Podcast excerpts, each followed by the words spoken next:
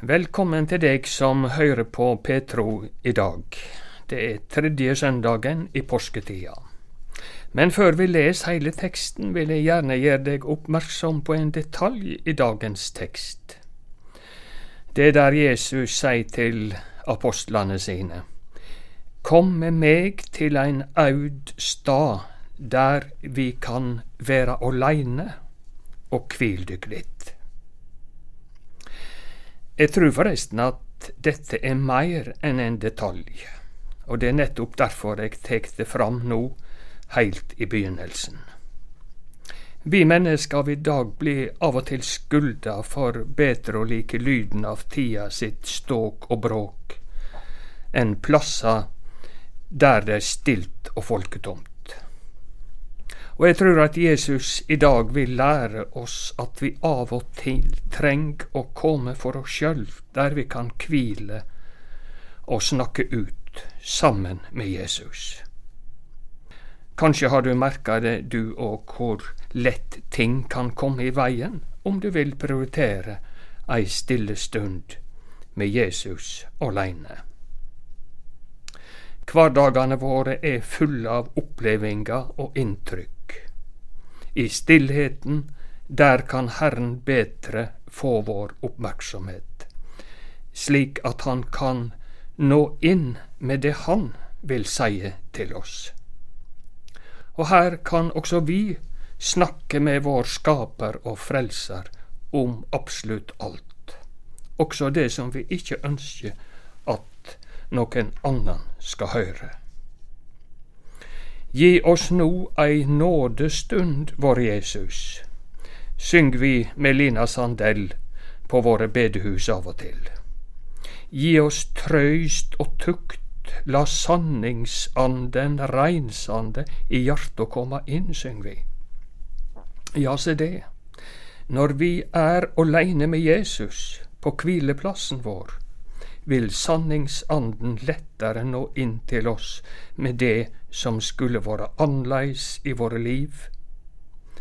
Kanskje vil Den heilage Ande tale vennlig til oss om synda som heng så fast ved oss, om livskursen eller om vandringa vår, om vaner eller uvaner, om korleis vi er heime det du bruker på deg sjøl som kanskje ikke står i forhold til det du burde gi til misjonen og andre gode tiltak, eller andre ting.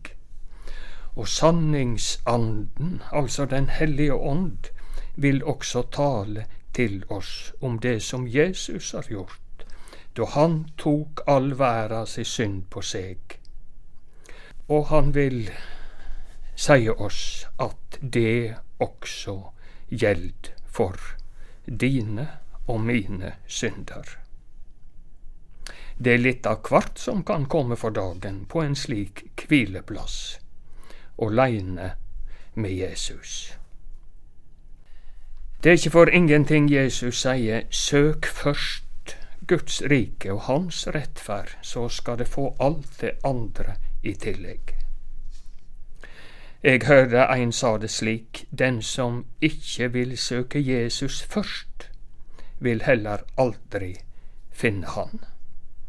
Gløym ikkje kvileplassen åleine med Jesus. Så skal vi lese teksten for dagen fra Markus evangeliet kapittel 6 vers 30 til 44. Og i dag får vi altså følge Jesus og apostlene på tur. De har altså tenkt seg bort fra folket og den daglige uro og de mange gjøremål. Heime i Kapernaum kom og gikk folk heile tida, de fikk knapt tid til å ete. Jesus meinte at heile gjengen nå trong et avbrekk for å være for seg sjøl. Og som vanlig, Jesus hadde ei overrasking å by på. Vi les i Jesu navn. Apostlane samla seg atter hos Jesus og fortalte han om alt de hadde gjort og alt de hadde lært folket. Da sa han til dei, komme meg til en aud stad der vi kan være aleine og kvile litt. For det var så mange som kom og gikk, at de ikke fikk tid til å ete engang. Så drog de ut med båten til en aud stad for å være for seg sjølve. Men mange så at de drog bort og kjente dei att, og fra alle byane kom folk springande og nådde fram før dei. Da Jesus steig i land, fikk han sjå en stor folkemengd. Han fikk inderlig medkjensle med dei, for dei var som sauer utan gjeter. Og han gav seg til å undervise dei om mange ting. Men da det lei langt på dag, kom læresveinane til han og sa, Dette er en aud stad, og dagen li. Send folket fra deg, så de kan gå bort i grendene og landsbyane her omkring og kjøpe seg noe å ete. Det skal gi dei mat, svarer Jesus. De sa, skal vi gå og kjøpe brød for 200 denarer, som de kan få seg mat? Hvor mange brød har det? spurte han. Gå og sjå etter. Da de hadde gjort det, sa de, fem brød og to fisker. Da sa han at de skulle la alle setja seg saman i matlag i det grøne graset. Og de slo seg ned rad på rad, somme på hundre og somme på femti. Så tok Jesus de fem brøda og de to fiskane, såg opp mot himmelen og ba takkebøna og han braut brødet og gav det til læresveinane, så de skulle by rundt til folket. De to fiskane delte han òg ut, så alle fikk, og alle åt og vart mette. Etterpå samla de opp det som var att av brøda og fiskane, og det var tolv fulle korger. Det var 5000 menn som hadde fått mat skal vi be. Herre Jesus Kristus, takk for ordet ditt til oss i dag. Takk for at det er sant. Vi ber at du må velsigne det for oss, slik du velsigna fem brød og to fisker, som vi nettopp las. Vi ber lat ordet ditt bli et andens måltid for oss som hører i dag. Amen. Først litt om foranledninga til dagens tekstavsnitt. Apostlene hadde kommet heim etter en lang preiketur, las vi. De var stappfulle av gode opplevelser og ivrige etter å fortelle Jesus om alt de hadde gjort, og alt de hadde lært folket. Samtidig kom det triste meldinger for sør. Vennen og medarbeideren Johannes Døyper var nettopp halshogd av kong Herodes.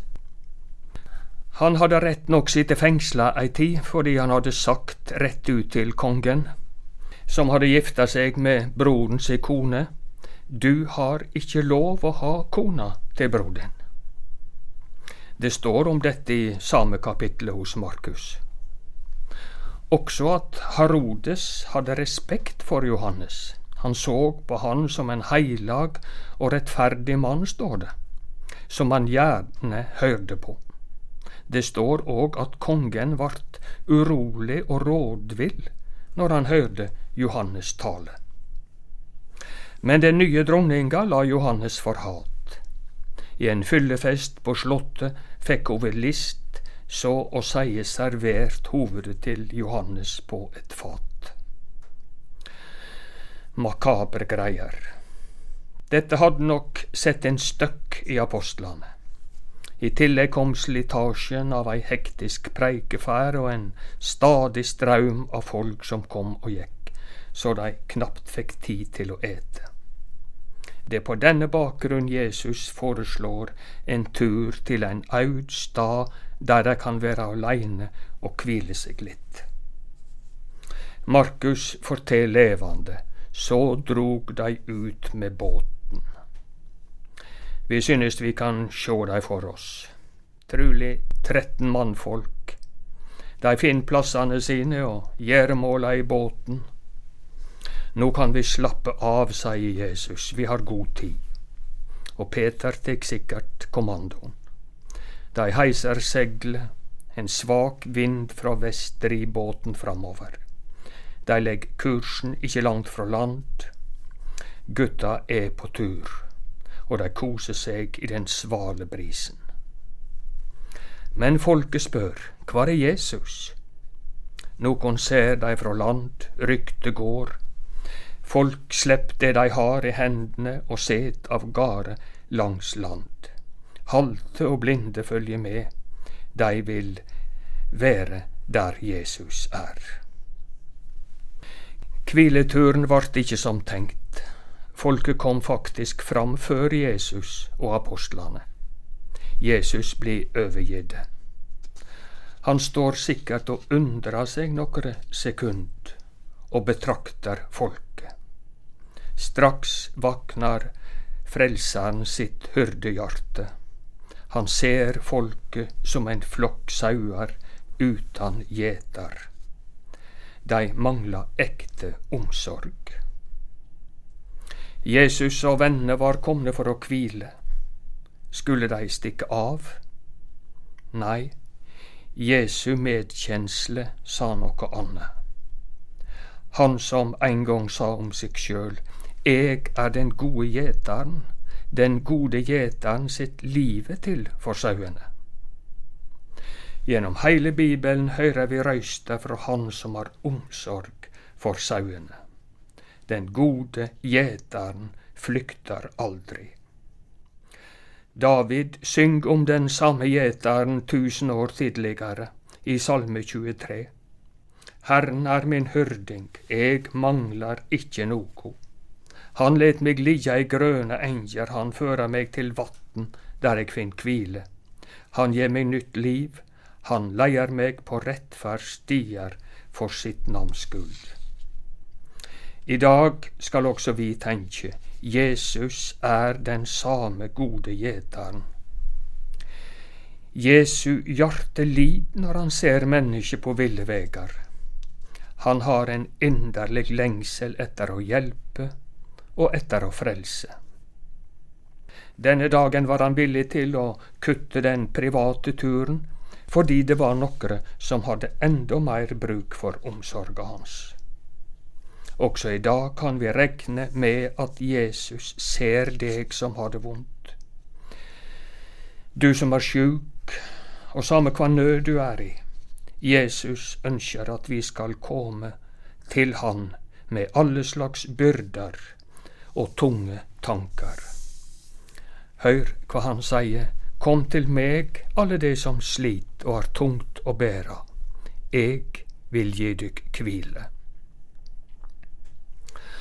Har du sensa at Jesus har søkt deg? Har du opplevd Guds omsorg kanskje komme til deg gjennom et annet menneske? Har du noen gang opplevd at han har kommet til deg i form av ei kjærlig helsing, kanskje ord, kanskje gjerning? Også i dag vil Jesus møte nød og lette byrder. Og kanskje var det nettopp deg som hører i dag, at Jesus ville bruke til å lette bører for noen. Langt på dag vart apostlane trøtte. De lurte på hva Jesus ville gjøre for at folket skulle få seg mat. Det var ikke noe supermarked i nærheten der de var. Apostlene hadde sin plan å sende folk bort. Jesus hadde sin. Det skal gi deg mat, sa han.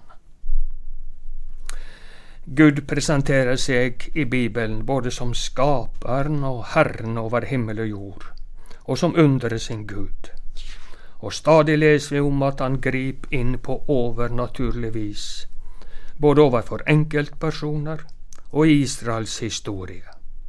Og du kan være sikker, han dreg i trådene også i dag. Han har kontrollen, og han vil fullføre sin plan med denne verda. Og Gud gjør under også i dag. Egentlig er vi alle et stort Guds under, også du som hører på radioen i dag. Et menneskeliv er et Guds under, forma av Guds mesterhand, og med seg sjøl som modell, skapt i Guds bilde. Hvert nytt barn som kjem til verda, er et Guds skapingsunder. For du har skapt mine nyrer, du har vove meg i mors liv, står det i Salme 139. Og hvert menneske som kjem til tru på Gud og vart født på nytt, er også et under, et Guds frelsesunder. Fordi Han elska oss med så stor kjærleik, skriv Paulus til efeserne, gjorde Han oss levende sammen med Kristus, vi som var døde på grunn av misgjerningane våre. Av nåde er det frelste. Derfor det var ingen stor kunst for Jesus å gi mat til 5000, uansett hvor lite som sto på bordet. Han var Guds sønn og han hadde i tidligere tider vært med på at hver dag regna det manna ned fra himmelen til mat for det sultne israelsfolket som vandra gjennom øydemarka. Alle evangelistene i Det nye testamentet skriver om dette brødunderet. Matteus og Lukas forteller også at Jesus helbreda de sjuke denne dagen. Johannes legger til at folket var så glade for maten de fikk, at de ville gjøre Jesus til konge. Men det ville ikke Jesus høre på. Han trakk seg unna.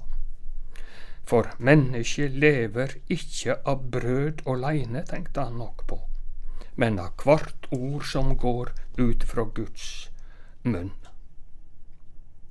Jesus var altså ikke primært sendt for å skaffe oss daglig brød eller det vi trenger for livet på jorda. Det skulle vi klare sjøl. Vi eier ikke jorda, men vi skulle være forvaltere av Guds gode natur. Dessuten visste Jesus at ei jordisk kongegjerning ikke ville løse vårt største problem. Jesus hadde fått ei oppgave som ingen andre kunne utføre. Derfor sier Peter om Jesus i ei av sine første preiker etter pinsedagen, det er ikke frelse i noen annen, for under himmelen er det ikke gjeve mennesker noe annet navn som vi kan bli frelste med. Når Gud ser utover verda i dag, ser han sikkert ei enda større folkemengd enn denne dagen og eg trur han også i dag ser mange som sauer utan gjeter. Også i dag har Jesus inderlig medkjensle med folket. Og jeg trur han vil seie det samme til sine venner i dag som han sa til apostlene sine den gongen. Det skal gje deg mat. Hva kan så denne gamle fortellinga lære deg og meg og forsamlingane våre i dag, 2000 år etter at det hendte? Jo, for det første, legg merke til hva det står, Jesus fikk inderlig medkjensle med dei, og han vart hos dei, til tross for andre planer. Jesus såg folket som sauer uten gjeter. Også i dag er det mange mennesker som mangler en gjeter. Mange, både barn, unge og eldre. I dag er det sine venner Jesus kaller til å sjå folket slik han såg dei, med hans medkjensle og med hans sinnelag. Det kan koste en ekstra tur kanskje til noen som sitter aleine med brødskivene sine dag ut og dag inn. Jesus vil at hans medkjensle også skal bli vår. Og for det andre sa Jesus, det skal gi deg mat. I Jesu omsorg ligger også omsorga for vårt fysiske liv. Kristendommen er ikke bare opptatt av åndelige spørsmål. En liten nistepakke fra en Gud velsigna i Jesu hender vart der og da nok mat til alle. Og Jesus har sjøl lært oss å be Gi oss i dag vårt daglige brød. Jesus har altså omsorg både for folks helse og frelse, og at de skal få ete seg mett.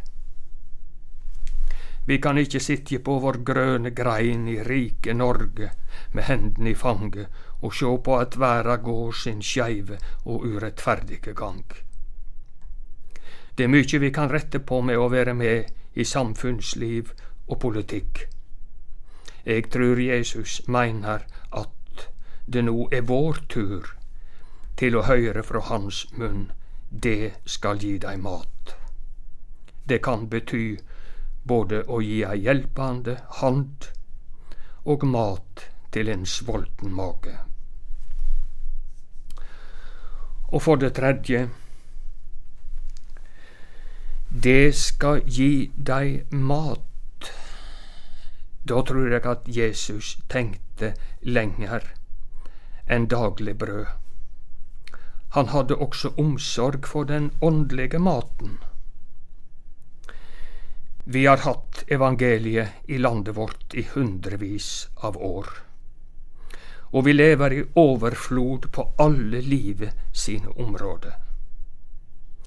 Når vi hører disse Jesusorda i dag, det skal gi deg mat, da bør det ringe ei klokke hos alle Jesu venner. Vi må tenke misjonsbefaling, vi må tenke misjon, og vi må tenke på at folket også trenger livsens brød. Jesus sa jo om seg sjøl Eg er livsens brød. Den som kjem til meg skal ikkje hungra, og den som trur på meg skal aldri tørste. Som Jesus organiserte apostlene til å dele ut maten den gongen, så er det i dag vår oppgave, i forsamlinger, på bedehus og i kirker, å organisere folket i matlag og dele ut så livsens brød kan nå rundt til flere. Og det skal vi vite. Gud har mat nok til alle, både til lekam og til sjel. Bare vi vil dele det lille vi har. Vi vil slutte som vi begynte om Jesus som gjerne ville ta apostlene sine med seg for å være aleine med dei og for å kvile. Prøv det du òg søk avsides med Jesus. Han har heilt sikkert noe han vil seie deg, og du kjem sikkert på noe du vil snakke med han om, både om deg sjøl og om dine og om andre. Aleine med Jesus, der vil han gi deg ein kvilestad. Han inviterer sjøl, kom til meg, alle de som slit og har tungt å bæra. Eg vil gi dykk kvile. La oss takke. Vi takker deg for det evige livsens ord, Herre Jesus som er mat nok for alle. Vi takker for det daglige brød, og vi takker også for at du har mat som varer, og som gir evig liv. Og vi takker deg, Herre Jesus, fordi at hver den som kaller på Herrens navn, skal bli frelst. Amen.